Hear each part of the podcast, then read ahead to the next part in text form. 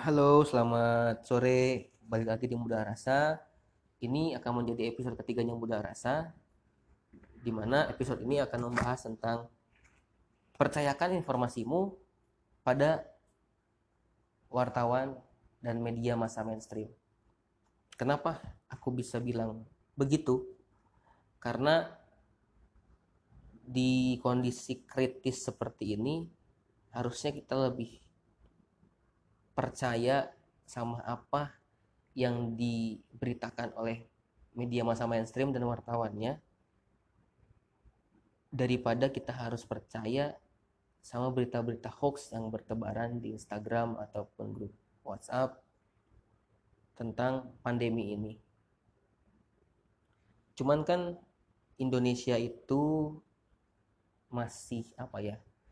Tingkat kesadarannya untuk percaya sama media massa itu masih kecil.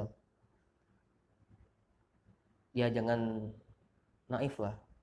Teman-teman pasti masih suka dan percaya apa kata influencer daripada apa kata wartawan. Padahal disadari atau enggak teman-teman influencer ini kadang-kadang juga ngutip apa yang uh, wartawan beritakan. Cuman kadang ada beberapa dari mereka yang menambahkan opininya sendiri. Nah itu kan akan menjadi perspektif baru yang nanti informasinya ketika diserap sama teman-teman itu akan berbeda juga sudut pandangnya. Tapi kalau teman-teman percaya sama wartawan teman-teman tinggal makan informasinya udah jadi udah mudah dipahami ya udah teman-teman udah tahu apa yang harus dilakuin karena setiap berita yang dirilis wartawan ke publik itu sudah melewati berbagai macam fase untuk bisa menjadi sebuah berita yang dirilis. Apalagi seorang wartawan itu bekerja berlandaskan undang-undang dan juga kode etik.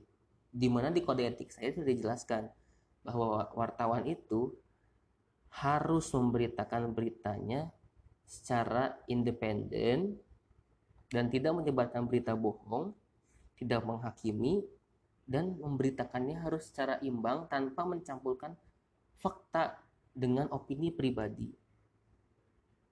Nah, dari situ pun kita sudah bisa melihat kan bagaimana wartawan ini ya hanya akan menyampaikan informasinya kepada publik udah jadi, udah tinggal makan, ya udah ini yang harus lakuin tapi ketika teman-teman percaya sama influencer yang beritanya masih setengah jadi teman-teman harus mencerna dulu itu memahami dulu menurut perspektifnya teman-teman.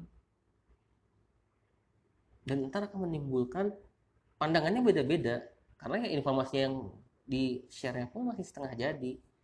Dan nanti actionnya akan hadirlah atau lahirlah beberapa movement yang menjadi sebuah PR baru buat pemerintah. Kenapa aku bilang ini PR baru? Karena pemerintah di belakang layar aku sangat percaya banget mereka lagi bekerja keras untuk menangani pandemi ini dan memberikan informasinya sama teman-teman media agar teman-teman media ini bisa menjadi frontlinernya pemerintah untuk menginformasikan bahwa semuanya masih bisa dikendalikan.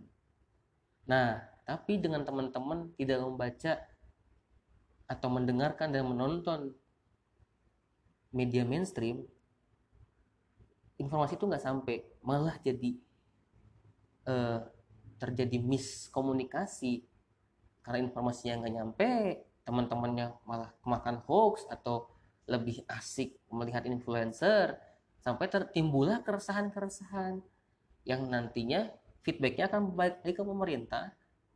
Dan kerja mereka jadi double. Pertama mereka harus menghadapi pandemi ini secara cepat. Satu lagi mereka harus meredam keresahan teman-teman publik ini biar tidak terjadi kegaduhan yang lebih parah. Nah kalau udah itu terjadi energi yang terkuras akan menjadi terlalu berlebihan karena ada dua hal yang harus dikerjakan sekaligus dengan jumlah orang yang tidak sebanding dengan uh, kasus yang dihadapi. Maka dari itu, di kondisi yang seperti ini, teman-teman yang masih di rumah dan jadi kaum rebahan, yuk lebih banyak baca web portal berita yang kredibel agar tidak timbulnya hoax dan tidak menjadi kepanikan-kepanikan yang baru. So, itu aja yang mau aku share dari modal rasa. Selamat sore.